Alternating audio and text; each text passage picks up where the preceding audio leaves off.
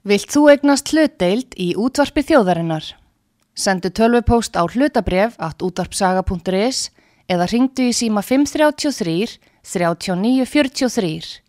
Útvarpsaga stendur vörð um tjáningafrelsið.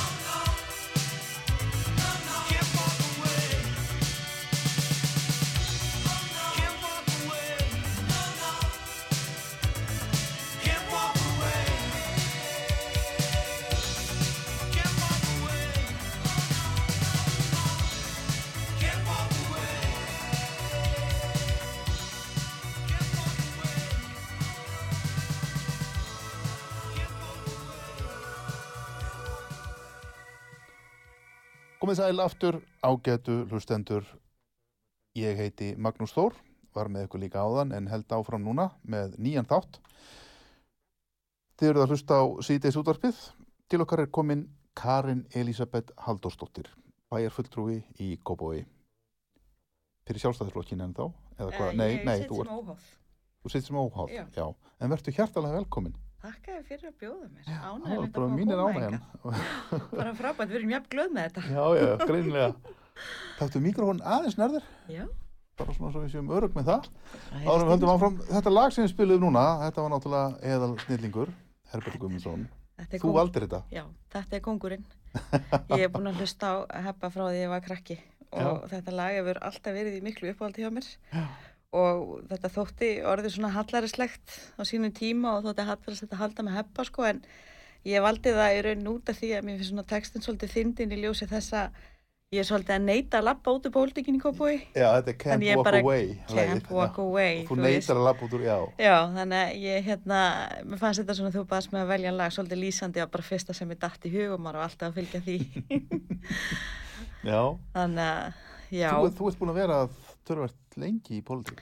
já, ég er í rauninni búin að vera viðlöfandi bæjastjórn í 12 ár uh, frá 2010 og þá var ég varabæjafulltrú í fjögur ár Já. og mjög virkur varabæjafulltrúi og fer í rauninni í sveitastjórnarmálinn eftir hrun og Já. langaði bara svona rann blóði til skildunar, alltaf verið á pólitísku heimili en ekkert verið að skipta mér á pólitík, þannig sé svona verið bara heit heima í stofunni en þarna fannst mér bara að vera svona mín skilda að bjóða mig fram úr en hafa áhrif á samfélagið mitt og það Mhm. hefur alltaf verið mitt leiðarljós. Þú ert fætt og uppalinn í Kópaví. Já, algjörlega, Já, ég get ekki sagt þessi fætt Nei. af því það, er ekkit, það var ekki fæðingarheimili í það En algjörlega hvergi annar staðar átt heima Já. er, er svona svolítið kannski Einmitt. púkaleg þannig séð en, en setna sko þá verði ég aðalbæjafulltrú og Mm. hefur verið bæjafulltrú fyrir sjálfstæðisflokkin í átta ár þanga til núna fyrir skömmu Já. þegar ég fer í prófkjör og sækist eftir oddvitasætinu hjá sjálfstæðisflokknum eftir mína átta ára reynslu í bæjastjórn og Já. get ekki sagt annað en að ég hef bara hreinlega verið að bjóða upp á mannesku sem hafði vit og þekking á bænum og taldi mig hafa margt fram að færa eftir að Ármann Káur Ólafsson ákveður að stíga í rauninni mjög óvænt til hliðar. Mm Og svo fer nú þetta prókjur bara þannig að mér er gerð eh, bara svona heiftaleg aðför Já. Deginu fyrir prófkjör út af máli sem ég taldi hefði nú raunni sitt skeið í nóvumber árinu þar og undan. Þannig ég kalla þetta svona svart stakka aðför að mér innan úr sjálfstæðisflokknum og í mínum huga var ég bara tekin á lífi og hriði fjalli í þessu prófkjöru þar sem að e, frétta á vísi eftir Jakob Bjarnar var á þann veg að ég leit út bara eins og eitthvað glæpa kvendi, ekki Mm. manneska sem í rauninni fekk heldur ekki tækifæri til að svara fyrir mig og all mín barátta og mín reynsla og mín mál hurfu bara í þessari í þessu prófkjöri Áttu við að þú var bara verið tekið niður eiginlega? ég var bara tekið niður, þetta var skipulög aðför af þess að ég vil kalla svartstakka innan sjálfstæðisflokksins út af málum sem eru bara mjög erfitt fyrir mig að ræða í raun og eiga sér langa fórsögu. Það eru mikla deilur innan sjálfstæðisfélagsins í Kópói og ég hef, eins og ég hef alltaf verið mjög föst á minni skoðun og, og stend með mínu fólki og málefnum og, og það fellur ekkit öllum í geð. Nei, Þetta kjörtímabil er alveg búið að vera erfitt. já, það. Já, það var alveg ljósta að Ármann Káur Ólafsson vildi ekki þennan meiruluta sem við störfum í þessu undanfærin fjögur ár. Uh, við uh, Guðmundur Gerdal og Margrét Þreyristóttir vildum ekki vinna með uh, það sem kallaðist BF viðrist Mm eftir það samstarf á kjörtímbilinu þar og undan. Hann má segja sko hafi svona, svona neðst þess að semja við framsóknarflokkin eftir okkar afstöðu og svo afstaða hefur auðvitað litað þetta samstarf undanfærin fjögur ár Er það búið að vera meira hluti sjálfstæðisflokks og... og Framsóknar. núna í fjögur ár Mm og þetta hefur alveg tekið á og alveg frá því að við ákveðum að gera þetta og, og eins og margir myndi vilja segja við svona neyðumann í þetta samstarf. Tekið á þá innan sjálfstæðisflokksins eða? Já, þetta tók á. í, þið hefur ekki verið með einhver rýfingar við framsók. Nei, alls ekki. Nei, Ég hef átt mjög gott samstarf við framsókn undanfærin fjögur ár og Birkir Jón Jónsson bara tel ég vera einn af mínum vinum í dag og Mhm. afskaplega góðu maður sem hefur núna ákveða stíða til hliðar og sem svo ármann líka. En þetta var niðurstafa prókjörsins og ég fer svona sár frá þessu af því að mér fannst ég hafa gefið flokknum, gefið bænum bara mikið af mínu lífi, af mínum tíma, tíma Mhm. sem ég hef tekið frá börnum og fjölskyldu og ég hef lagt mig alla fram og það er einhvern veginn allir sammála um það, ég hef verið mjög dugleg og bæjarfjöldtrúi því að þú getur alveg verið bæjarfjöldtrúi og verið bara úsýnilegur og gert í rauninni bara mjög lítið. En ég gjör sannlega lifði fyrir þetta starf og vildi nota þann tíma sem ég var gefin þess að bæta bæin minn. Já, Og svo er þetta niðurstaðan og, og hérna og ég ákveða náttúrulega bara að stíða til hliðar og tilkynni nýjum oddvita það að hún þurfi nú ekki að hafa áhyggjur af því að ég verði fyrir henni einhver starf á listanum. Og þú ætlaðir ekki að vera á listanum? Nei, það kom aldrei til huga í, það kom aldrei til greina í mínum huga. Ég bara ákveða eftir þessa meðferð að þetta væri félagskapur sem ég vildi ekki tilhera. Mhm. Þannig að ég ætlaði svo sem bara finna mér nýjan fram að ég er auðvitað í starfi samhliða bæjarfylgdur á stöðunni og ætlaði bara að finna mér nýja leið en svo hafa sambandið með konur og miðfloknum. Og ég segi nú eins og Geir Ólaf sem er með mér í öðru sæti, ég held að væri nú bara fyrst grín. Gerur nú söngvari? Já, hann er já. með mér á lista nummið tvö og hann er með, sagði sko að hann hefði nú bara haldið þetta að vera grín þegar var haft samband við hann fyrst og ég eiginlega bara ekki tekið undir það því að þetta hafði ekkert kvarlað að mér. Nei, Þannig ég fór og hitti þær og, og svona sagðist alltaf hugsa málið og en fann bara svo góða tilfinningu að hitta þetta nýja fólk og hvað mér hafi vel tekið og, og einhvern veginn lögðu mikla áherslu á það ég hefði bara það mikla reynslu sem Mm. bæjarfulltrúi að þeim fannst synd að láta það einhvern veginn bara fjara út. já. Þannig að þær byggja mig að koma inn á þeim forsendum að ég geti gert gagg fyrir bæinn Mm og ég segi bara þetta sé náttúrulega stór ákvörðin í mínu lífi og þetta hafi ég ekkert hugað því að vera í sjálfstæðisflokknum en hafði ekkert hugað því heldur að gangi annan flokk ætlaði bara að vera óháð sem ég er en ég leiði samt lista miðflokksins og óháðra í dag og það hefur verið bara ofbúslega spennandi tímar Þú varst, þú varst ekkert að hugsa um að fara bara, mynda bara þinn eigin lista og... Nei, það, Nei. veginn, ég var alveg búin á því eftir þetta prókjur, ég var bara svo löskuð Já, já. en þarna bara fann ég fyrir svo miklum velvilja og, og einhvern veginn trú á mig sem ég hafði pínlítið mist Aha. Og núna kem ég bara öflugur en nokkru sinni fyrir tilbaka með reynsluna með mér og ég finn bara svo vel á þó þessum fáu viðtölum sem að við sveitastóttum en fáum í þessum kostningum að ég hef bara það mikla þekking hvað ég tel að hún muni skipta máli fyrir bæinn ef ég kemst inn í bæjastjórn. Já, Því að það er mikið að nýju fólki sem mun taka sæti núna í vor og málaflokkarnir sem við störfum í uh, sveitastóttum þeir eru auðvitað orðnir óbúslega stórir já. og vandasamir. Förum maður yfir þetta og tala um reynslu. Þú Mm. byrjar sem varabæja fulltrúi hvað, 2010, ekki satt? Þá Já. talar menn í raun og veru að stíga upp úr rústónum eftir hrunið, ekki Já. satt? Hvernig var það? það var rosalega sérstök tilfinning þá sko byrjuðu náttúrulega hini flokkarnir í bæjarstjórn að henda sjálfstæðarflokknum úr meira hluta. Mm -hmm. Uh, sjálfstæðarflokkurinn var svona speilmynd þess sem fór úrskeiðis og þó svo að bærin hafi fram að því ekkert verið ábyrgu fyrir bankarunnu Nei, eða einhver svoleiðis en maður fann fyrir mikill andúð bara á Mm. flokknum og það var mjög erfitt að stíga inn í það. Og svo þannig að maður tekur bara við sínu stöðu og ég sest í velferðaráð og batnavend og finn strax að ég fæ þennan mikla áhuga á félagsmálum þar sem að ég er að eiga við fólk sem minna má sín og skiptir mig máli og á þessum tíma þá taka sveitafélagin til dæmis yfir málefnin fallast fólks og ég sé bara hvuslas álag er að stefna í átt að sveitafélaginu þetta er málflokkur sem við öll sem samfélag viljum þjónusta vel en er óbúslega vanræktur og í rauninni alls ekki fjármagnar með við réttindi og skildur sveitafélagana að þjónusta þennan hóp. Ég tek líka við lista á menningaráði eftir að við myndum svo setna meira hluta með uh, framsókn og kópóslistanum Mm og þá tók bara við mér algjör skelving. Það var ekki til króna með gata, gati í listur og menningu og þá átti alls ekki að eigða í þetta.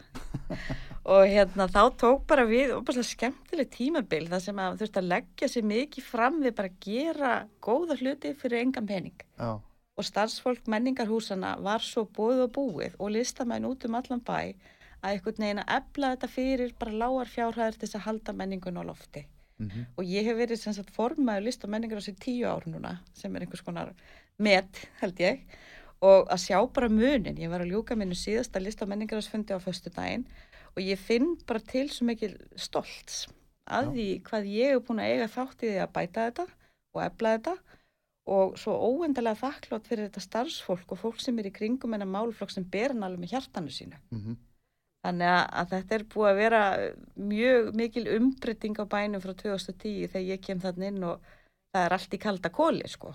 já, En við förum markvist í því að bæta fjárhægin já, og, og það hefur maður tekið þátt í líka en ég eftir á móti sem kjörum fullt og er svolítið upptekin að því líka, ég vil líka eigða peningum já, í þessar máluflokka sem ég þykir væntum. mm. og það er fólki sem í þeim er sem þarf sinn málsvara í sveitastjórnum. Það eru þeir sem minna mega sín og fatlaðir og aldraðir og svo ég nefni nú eitthvað. Já. Við vorum einmitt að tala um það hérna áðan þegar ég var að ræða við Þorgjandi Katrínu að einmitt þetta svona það eru, það eru, það eru skí á himni. Eh, vextir eru að hækka, verðbólgan er komin á stað. Þau eru ekki mælst herri í einhver 12 ára eða hvað. Uh, mun sjálfsagt fara hækkandi. Matur er að hækka bensín og það er bara allt að hækka. Þetta bitna náttúrulega fyrst og fremst á þeim sem hafa minnst að milli handana Það er það sem að mann er bara óar við. Ég hef þannig tekjur að ég kvíði þessu ekki í beili en ég finn eins og bara hverjum manneski sem fyrir út í búð Já. og velti ég fyrir mig því ég geng út og sé hvað skýrtollan er búin að hækka, Mm. brauðið og mjólkin og bara nöðsynavörur og mann er bara rennur kallt vatn á melli skins og hörundar í hvað þetta er að stefna. Því að ráfuru skorturinn sem framundan er, Mm.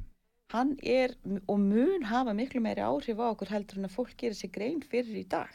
Þetta er ekki bara óljan og maturinn, þetta er líka bara allir innflutningar á já. og við stöndum í framkvæmdum, sveitafélug, ríki og enga aðilar. Við ætlum að byggja hérna húsnaði fyrir alla eins og stjórnmálflokkar er að lofa en byggingakostnaðurum er líka að rjúka upp. já. Þannig að ég eins og allir sem nenn að fylgjast með fréttum og, og hérna, hugsa um hvernig er að fara fyrir okkur hefur þetta áhyggjur og ég Mm. hef líka áhyggjur af loforða flauminum sem er núna í sveitasjóðankostingunum að fenginni reynslu og búin að setja þetta lengi í sveitastjórn, sé hvað er að gerast í samfélaginu að þá finnst mér stundum loforða flaumirum vera á þann veg að við erum bara að gera fólk að fýblum með að segja þessa hluti. Mm Hvernig er fjárhafur Kópavóks? Hann stendur vel. Við Já. erum komin undir þetta skuldaviðmið, mm fimm- 100%, en það gengur vel og framöndan eru lóð og útlutanir ef að skipularsferlin hafa sinn gang þannig að við höfum augastað og auknum tekjum. En staðrendin er hins vegar svo að launakostnaði sveitafélana og bara kópásbæjar uh, er 60% af öllum tekjum bæjarins og fer hækkandi. Við erum að eiga við náttúrulega launahækkanir, við erum að eiga við styttingu vinnuvikunar, við erum að eiga við aukna þörf og þjónustu og 60% af öllum tekjunum er ansi há uppæð því að þú vil gera svo margt annað líka. Þannig að við erum að stefna já, allavega einu í tíma sem við þurfum að velta fyrir okkur hvernig og hvaða þjónustu við teljum okkur geta veitt. Já. Og þú hefur einhverjar hugmyndir varðandi það? Já, ég hef það. Ég sitt líka sko í öfnusjóðu sambandsíslenska sveitafélaga Já. og það sé til dæmis frá því að sveitafélagin taka við málefnin fallast fólks gríðarlega mikilvægur máluflokkur og viljum gera vel frá þeim tíma að við tökum við þessum máluflokki hafa orðið gífulega breytingar á réttundum og reglum og lögum um þjónustu við falla fólk. Þetta er að mínu viti algjörlega ófjármagnaða breytingar sem sveitafélagin hafa verið að taka á sig án þess að fá það fjármagn sem þau þurfa þess að þjónusta þennan hóp og það er búið að gera, eða sko, svo úttekt er bara við það að líta dagsins ljós sem að Haraldur Líndal er búin að gera. Það segir það að- að sveitafélagin eru búin að vera að borga miljarda með þessu málflokki og það er auðvitað bara alveg óásættanlegt að ríkið skul ekki stíga betur inn í þessa þjónustu sem að þeir lögðu þá og okkur hafa breytt henni, hafa aukið kröfurnar og, og bara allt gott og vel, þegar við viljum þjónusta vel. En þeir hafa ekki sínt ábyrð í rauninni sem fylgir þessu valdi sem þeir hafa, sem er að láta okkur þjónusta, því við höfum bara örfóa tekjustofna til að velja úrum og ég hef hýrt sko fjármálar á þeirra að segja það að, að þegar við kvörtum yfir þessu að, að þá eigum við bara að hækka útsvarið og, og hérna bara, og erum bara mögulega ofþjónusta þetta fólk Mhm. og ég er bara alls ekki sammála því, ég les þetta bak og fyrir lýsingar á aðstæðin fólk sem á erfitt í Kópói og ég sé alveg vel og því við erum ekkit að ofþjónusta nokkuð mann eða Nei, konu, bara nei. alls ekki þetta er bara grunn þjónusta sem við erum að veita en hún er hins vegar orðin mjög okkur mjög dýr. Er útsvarið í botni í Kópavogi? Nei, það, þú veist, ef við myndum hækka því í bótt þá myndum við fá líklega 300 miljónir aukulega í kassan. Það, þetta er svona já. eitthvað viðleitni um að hafa það ekki í botni. Mhm. þannig að, jú, jú, við getum tekið þær 300 miljónur og nýttar í sjálfu sér ekkit óæðilegt það, það hefur alltaf verið eitthvað svona mantar hjá sjálfstæðisflokkum að hafa það ekki í botni. En um leið þá hefur fólk bara ekki náðu utanum sko hvað sveitafélun er þjónusta mikið umfram sína lagalegu skildu. Okkur byrjuðu þetta engin skilda til að reka til dæmis strætó. Nei, En við gerum það samt. Okkur byrjuðu engin skilda að reka sundlögar heldur og í raun ekki leikskóla. nei. Þannig að við erum að gera svo miklu meira. Já, og við viljum hafa þessa hluti, við viljum styrka íþróttafélagin og líðhelsu og geðrækt og erum á fullu í þessu og viljum ekki draga úr neina þessu. Nei, En til þess þurfum við þetta fjármagn til þess að geta gert þetta vel. já, já. Það er enginn að fara að bjóða sér fram núna og segja, segast alltaf að loka sundlu með að hætta styrkja íþróttafélagin. Lofurinn eru miklu frekar í hináttina. Þú nefndir áðan einmitt, þú segir þessu orð bjóða sér fram, uh, þú nefndir áðan að, að það stefnir í það að það verði mjög mikið nýju fólki sem muni koma inn í bæjastjórn Já. í Kópaví núna. Er, er mikil, hvað ég var að segja, reyfing á fólki í, Já. Nú þú náttúrulega búin að vera sveitir sem það mann að séð mörg ár og þekkir víðar til heldur en bara í Kópaví. Já. Er þetta svona mjög víða? Þetta er mjög víð og það var mjög áhugavert að sjá það er nýju útkomi rannsókn á starfskjörum og umhverjum kjöruna fulltrúi í sveitastjórnum Já. og ég var nú bara að horfa á þau í kastlus í ger, Mhm. ræða þetta Mm. og það sem að kjörnir fulltrúi í sveitastjórnum eru sammálinn það að áritið í þessu starfi er töluvert. Við erum að tækla nærþjónustu og nærþjónusta skiptir fólki rosalega miklu máli. Er þú með þína reynslu eftir sammála því? Já, ég Já. finn fyrir þessu. Þú, Mm. þú getur lent í hvar og hvar sem er á samfélagsmiðlum eða út í búð að einhver vill nálgast þig og ræða bara akkur er hóla í göttunni hjá mér. Akkur þú ekki búin að laga hana. Já, Bara eins og ég bara ná í skoplu og fyll upp í hana.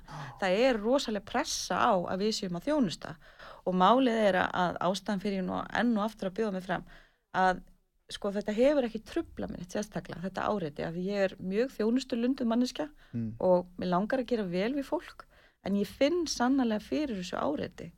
Og starfsumhverfi okkar eru þetta mjög sérstakt. Við erum bara utan Reykjavíkur flest öll bara í hlutastarfi í sveitastjórnum og eigum að vera að vinna fyrir okkur annar staðar.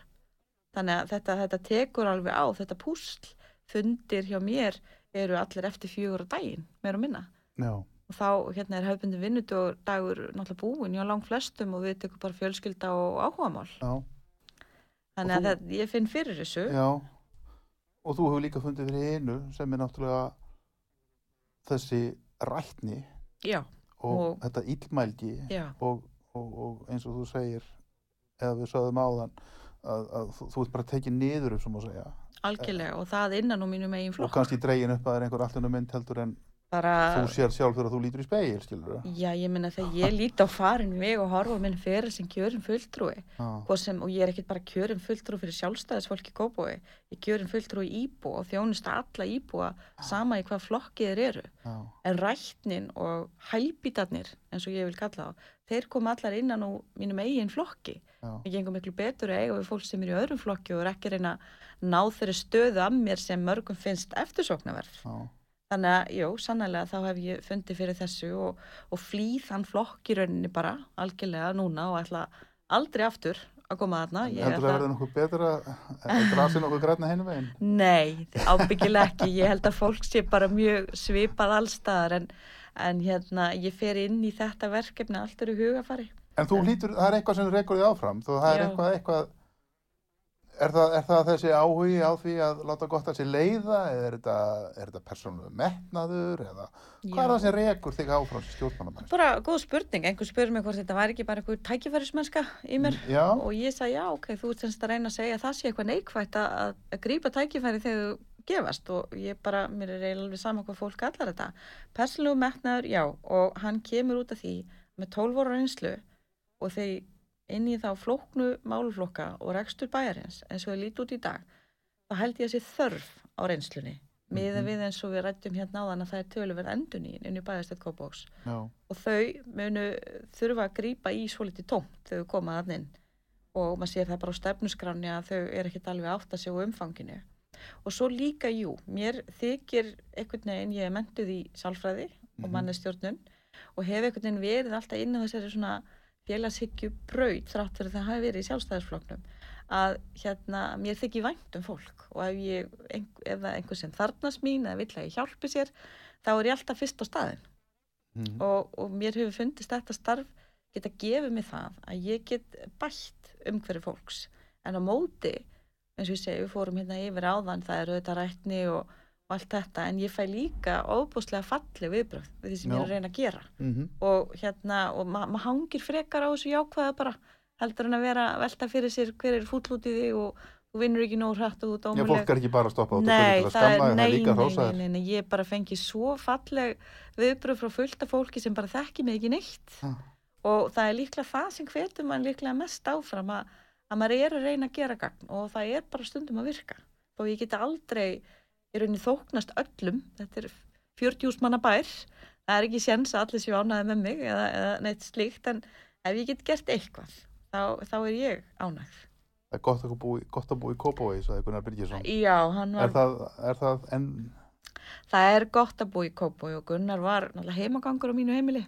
já, þið þekktust að Já, sjálfsögðu, já, já, já, sjálfsögðu. ég þekkti Gunnar frá því ég var bara 12-13 ára og verði miklu vinir. Já, Og það hefði nú aðeins lest upp á vinskapin þegar ég fóð nú sjálf í pólitíkina, hann var ekkert alltaf ánæði með mig. nú, En hérna, já, hann var ekki sáttu við ég stytti Ármann sem ótti þetta því að ég var náttúrulega bara nýbyrjuð og prófkjöru fór svona og en mér þótti alltaf óbúslega vænt um Gunnar, hann var mikil fyrirmynd hann jarðýta, hann lét Mm. verkinn tala og hann hefði aldrei nefnt að taka þátt í þessari samræðu og, og hérna, samræðu stjórnmálun sem er í dag, það sem allt er einhvern veginn sett niður í, í svona hópa, starfshópa, hann tók bara ákvarðanir já, og ég satt bara að segja stundum sakna þess tíma menn bara tók ákvarðanir og stóð og fjallu með þeim. Hann stökk bara upp í jarðítuna. hann bara fór og óð áfram. Á því líkt duglugu maður og góðu maður.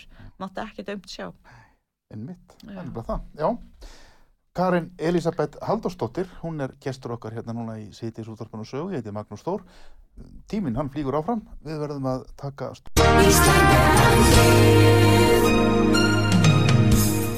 Styrtareikningur útvarpsögu í Íslandsbanka á Granda. Útubú 513, höfubók 26, reikningur 2.11.11. Nánari upplýsingar á útvarpsaga.is. Takk fyrir stöðningin. flutt auglýsingal hér en komum aftur á eftir.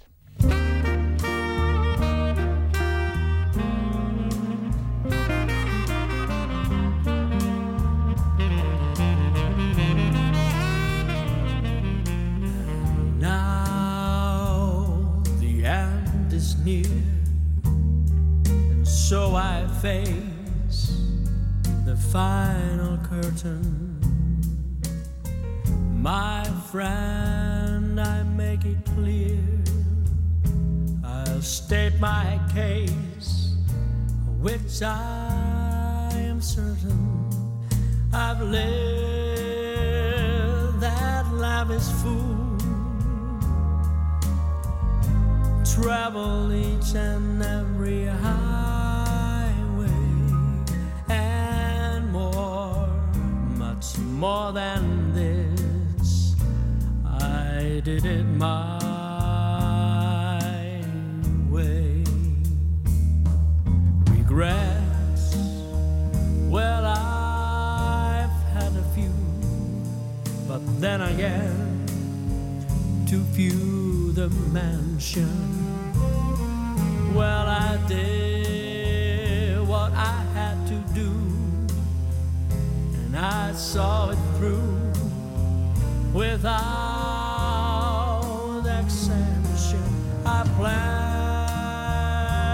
each charted course, each careful step along the highway,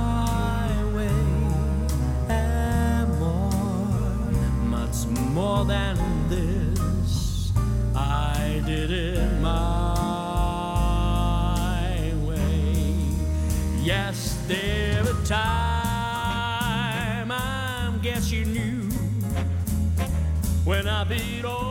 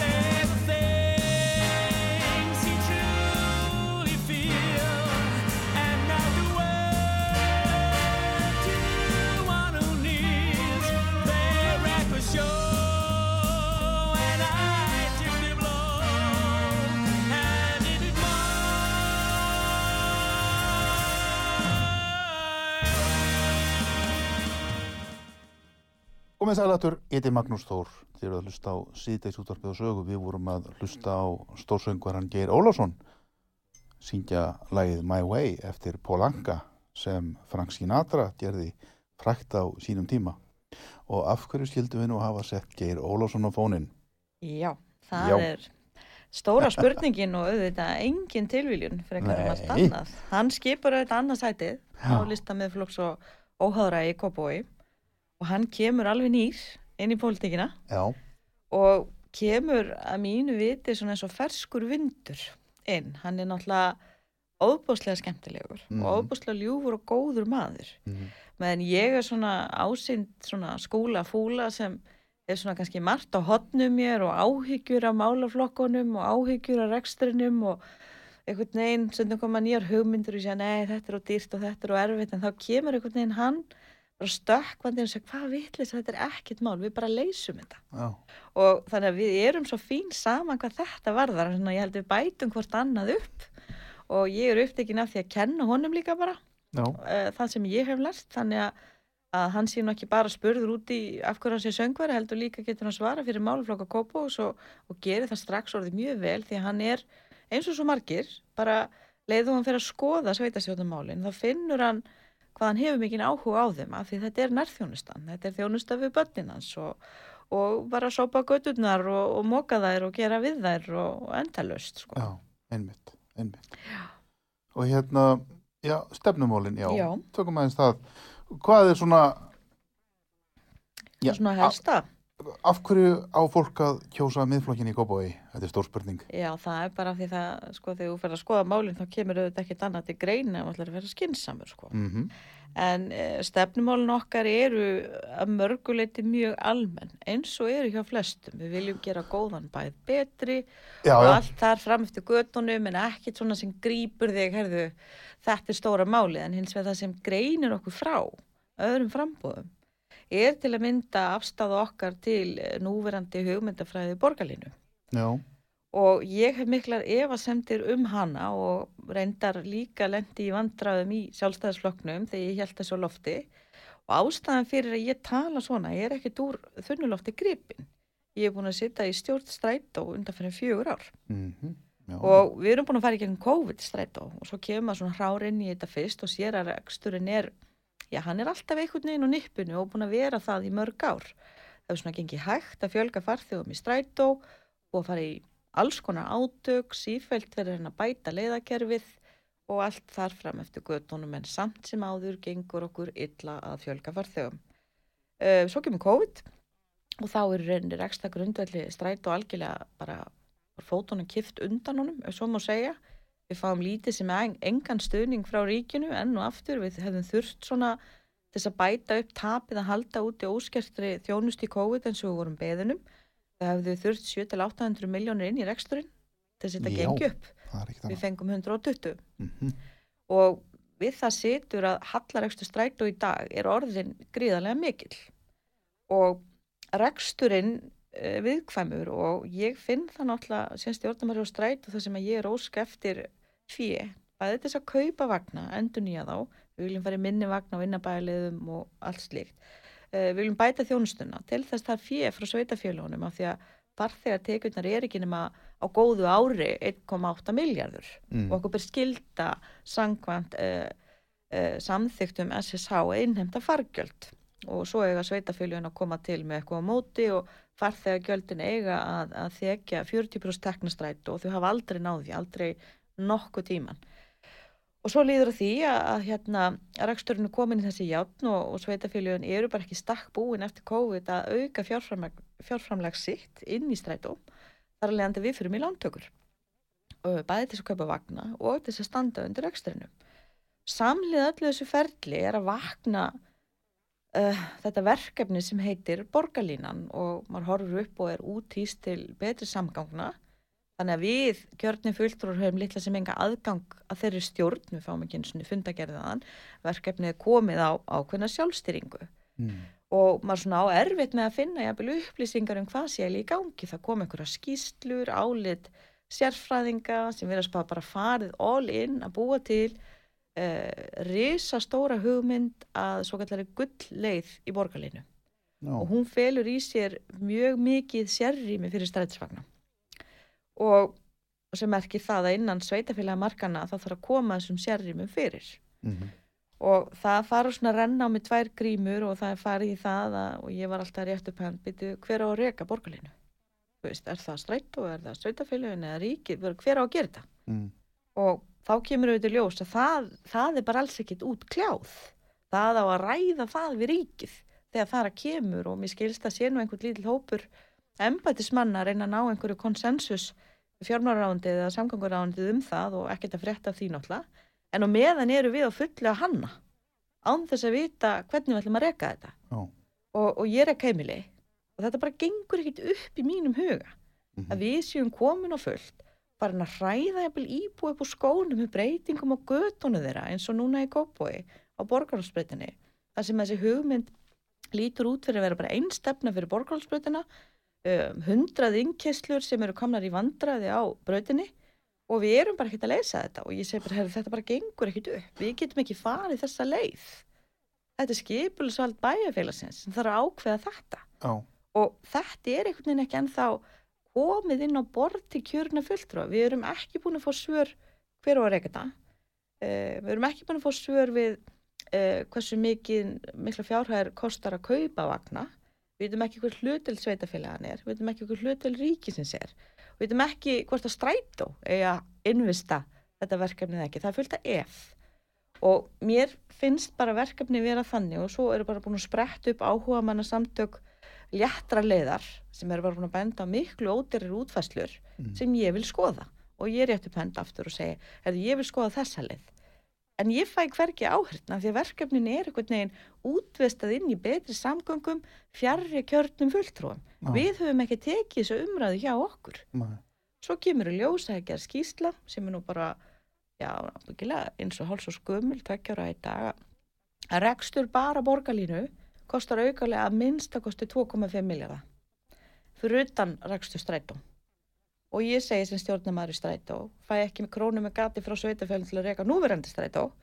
Og þá velti ég fyrir mig byrju allir þið þó líka að reka borgarlínu? Hvernig gengur þetta eiginlega upp? Þannig að ég set bara spurningamerki við þetta allt saman og ég vil taka upp samgangusáttmálan á höfubruksvæðinu samkvæmt þeirri grein, ég held að þessi sjönda þess að bara endurhugsa verkefni Mm. þetta er á dýrt, við vitum ekki hver er að borga þetta og þetta sker okkur algjörlega frá þeim frambóðum sem eru til að mynda bara allstað núna á höfubruksvæðinu ég hef hlustað á fólk meðal annars í sjálfstæðarsflokknum og, fleirum sem tala um ábyrga fjármálastjórnun þau ætla einhvern veginn að velta hverju krónu við og, og fara í ábyrgan rekstur en þau geta ekki tekið þetta sandal. Þetta er ekki að fara í ábyrgan rekstur, að fara með lokuð augun inn í borgarlinverkefnið eins og frambúð er að gera í dag. Frambjóðandur í Reykjavík, Kópói og annar staðar eru að forðast þessa spurningu að mínu viti. Þau bara forðast hana að þau viti ekki hvernig þau að svara henni. Já. En getur þú líst svona í stöttu máli borgarlína, þetta er náttúrulega bara eitthvað svona hugtak og maður eiginlega átta sig ekki alveg á því og ég er ekki þessum að allir kjósendur átti sér raun og verið á því hvað felst í þessu hugtaki, hvað felst í hugtakinu borgarlína í Kópahói, í þínu sveitafélagi?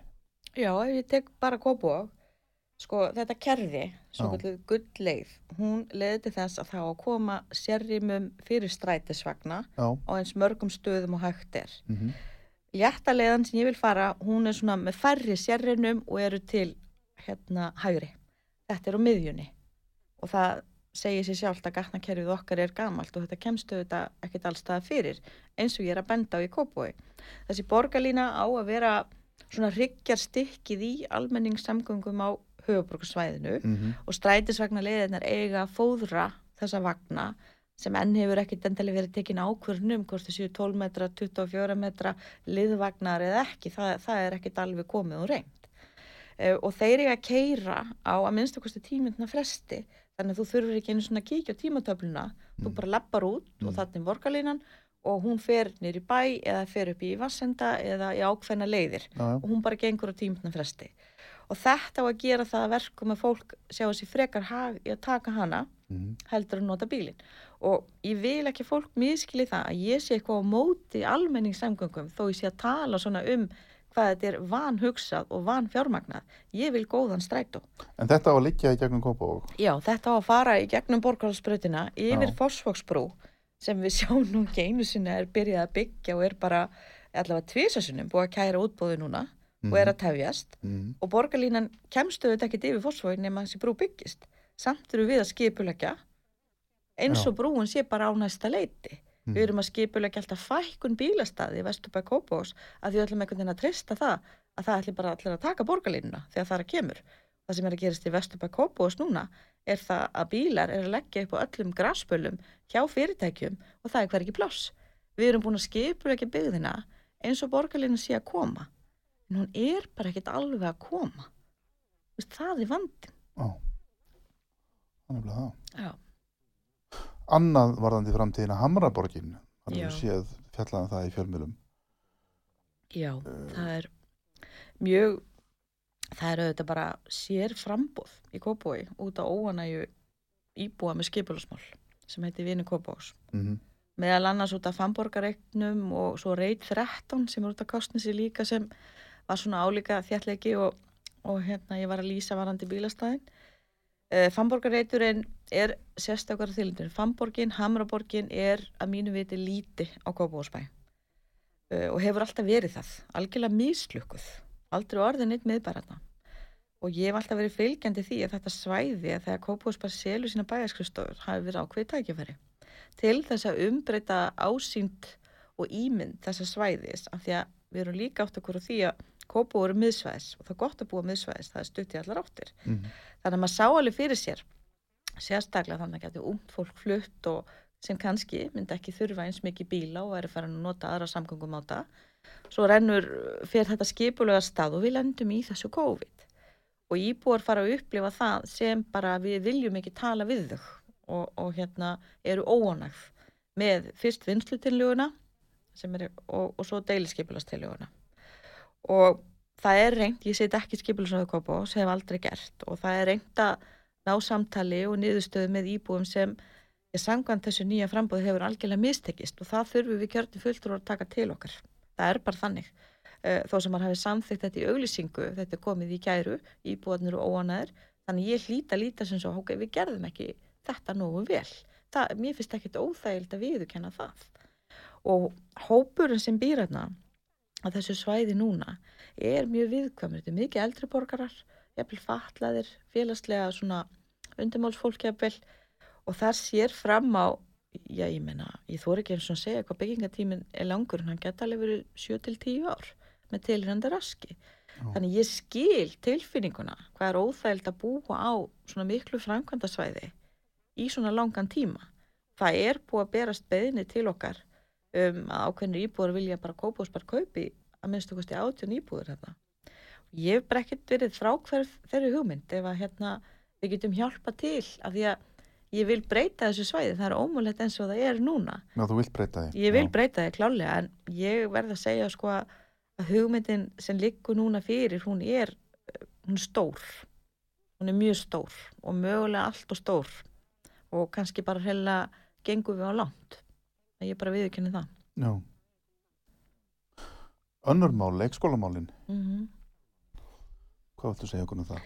Já, við erum pínulítið svona öðruvísi við í miðflokku og hóðum varðandi afstöðu okkar hvernig á að leysa mönnuna vanda leikskóla og að brúa þetta svo kallega bil á melli fæðingar og, og leikskólavistar.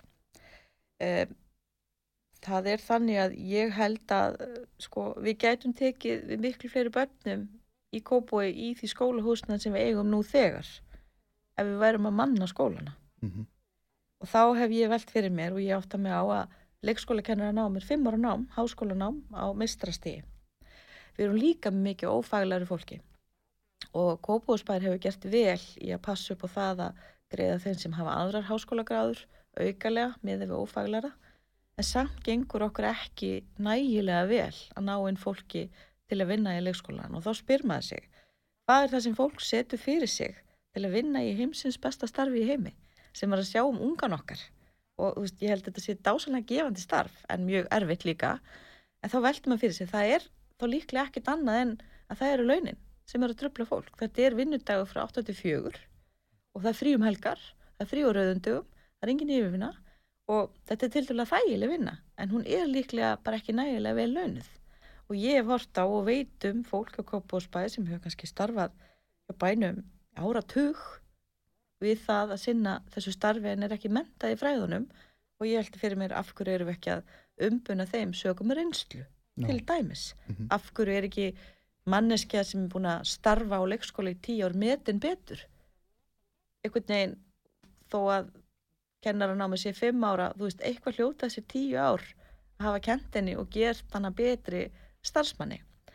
Uh, við höfum líka skorið okkur frá því að sum frambóð eru að leggja til svo kallar heimgreslur til Já. foreldra sem eru einhvern veginn ekki ná að brúa bylið og ég segi bara að fenginu reynslu enn og aftur, þetta hefur reynd þetta er, eh, býður upp á mismunum þetta býður upp á það að konur jafnvel festist heima af vinnumarkaði með börnin. Og mér finnst þau vera að færa ábyrðina yfir á fjölskyldur og með við sveitafélagið og ríkið eigum að vera að leysa þetta bil. Mhm. og við leysum það ekki með því að, að, að borga fólki fyrir að vera heima. Þa, það er í mínum huga bara ramt og gamaldags. Og við eigum ekki að sita vandan yfir á foreldra þannig. Dagmömmukerfið eins indislegt og það er að þá hérna eru fáar konur, konur ég ætla að segja konur en það er náttúrulega karlmenn líka í þessu starfi það er ekki nógu margir sem sækist eftir að starfa við þetta. Og í því fælst ákveði óöryggi hvernig börnin er að detta inn á leikskóla. Þau eru kannski bara nýbur í dagmóður svo fara þeir inn á leikskóla. Þannig að ég held að við gætum leist heilmikið með að laga launin og sjá hvernig hún gengur að manna leikskóluna við þurfum að sjá, að fjölga leikskólum. Við þurfum að velta fyrir okkur hvort það sé ekki hægt að fá ríkið til þess að viðurkenna að minnst okkur síðasta árið í leikskóla sem fyrsta skólastíð leiður ríkið viðurkennir það. Þá eru þeir eins og þeir gera með grunnskólana þurfa þeir að fara að borga inn í leikskólakerfi með okkur. Og þá Já. gæti þetta litið pínlítið öðruvísi út fyrir sveitafélögin og gæti létt á fyrstu árum batsins á leikskóla. Mhm. við þurfum að fá ríkið þess að viðurkenna þetta. Þetta er í mentastefnu en það vantar bara laga bálkinn til þess að viðurkenna þetta og ég held að, að við getum leist ímislegt með þessu. Já, já, en mitt. Já, tím okkar, hann er brátt á þrótum. mm. Hvernig leggst þetta í þig? Þetta eru tíu dagar. Þetta, ég, hérna, ég er náttúrulega í brekku. Er og, það? Já, já, þetta er auðvitað á brattan að sækja. Við skulum alveg horfast í og það miðflokkurinn hefur verið í varnarbaratu undanfærin ár og hérna, og ég er að koma þarna nýinn og, og þarf auðvitað að kynna mig fyrir þeim kjósundum. Já, þú hefur reynsluna. Ég hef reynsluna. Það er mikilsverði. Já, og ég tek með mér fólk úr sjálfstæðisflokknum, klálega, Já, já. sem trúur á mig og mína reynslu og mér þykir Mhm. vænt um það. Uh, ég veit um fólk sem ætlar að kjósa mig sem er bara alls ekki pólitist en er bara að horfa á hvernig ég hef starfað undanfærin ár, þannig að mér þykir alveg óbúslega vænt um það líka. Fólk veit það, ef ég kemst inn í bæðastjórn og kannski bara geir með mér, þá fær það allavega mannesku sem ég mun segja satt, ég mun vinna fullri hörku, ég mun þóra að viðurkenna það ef ég er ekki sammála og ég mun þóra að viðurkenna mistök Mhm. og ég er alltaf tilbúin til þess að hlusta eins og ég hef alltaf gert. Þú er ekkert breyst við það að ganga í miðflokk. Nei, það er eins og ég var spurðað í einhverjum viðtalum daginn sko, hvort að stefnur miðflokksins myndu breytast og eitthvað svona, ég segi, "Bíddu, ég er ennþá bara sama Karen, sko. Já, ég get alveg verið í einhverjum flokki eða einhverjum flokki, ég er alltaf bara ég Já. og mér finnst líka svona í lokin sveitastjórnumál, þau eiga ekkert að vera neitt sérstaklega pólitísk í mínum huga. Þú veist, við getum leift bara pólitíkin að vera nýr á alþingi, þar sem fólk getur uh, rifist eða inn í borgin eins og það er núna. Sko fólk sem er að bjóða sér fram í öllum flokkum í Kópói, verði að segja, og víðar já, vini allstar, út um allt land sem er í sveitastjórnumálum þetta er fólk sem á það eitt sameiginlegt að vilja samfélaginu sínu vel. Mm. og það er ekkert með fána flokksins endilega á herðunum. Það er bara að Nei. reyna að gera samfélagið sitt betra, þjónustur reyðubúðið og ég bara velti fyrir mér hvort það sé ekki bara líða undir lok uh, stjórnmálaflokkar í sveitastjórnum, hvort við ættum ekki bara þóra einn daginn að taka upp persónakjör í sveitastjórnum. Já, það verður bara einstaklingarnir og Ég held að það bara við fengjum, fengjum náttúrulega bara frábært fólk þannig inn sem að það til svo mikið af fólki sem vill ekki verið stjórnmálaflokki en myndi hafa svo margt fram að færa inn í já. eða borgarstjórn. já, brennur einfallega fyrir sínu brennur bara fyrir sínu já, samfélagi og, og vill ekki tengjast einhverju stjórnmálum sem ég skil svo vel í dag að því núna er ég óháð og, og mér finnst þetta svo mikið frelsi að þú veist ég, ég bara er frjáls, ég get bara gaggrínt og rósað öllum sem ég hitti bara út frá mínum eigin fórsendum já. Hvað eru þau heitustu málin í bæjastöld Kópavóks á næsta kjörtímanbili?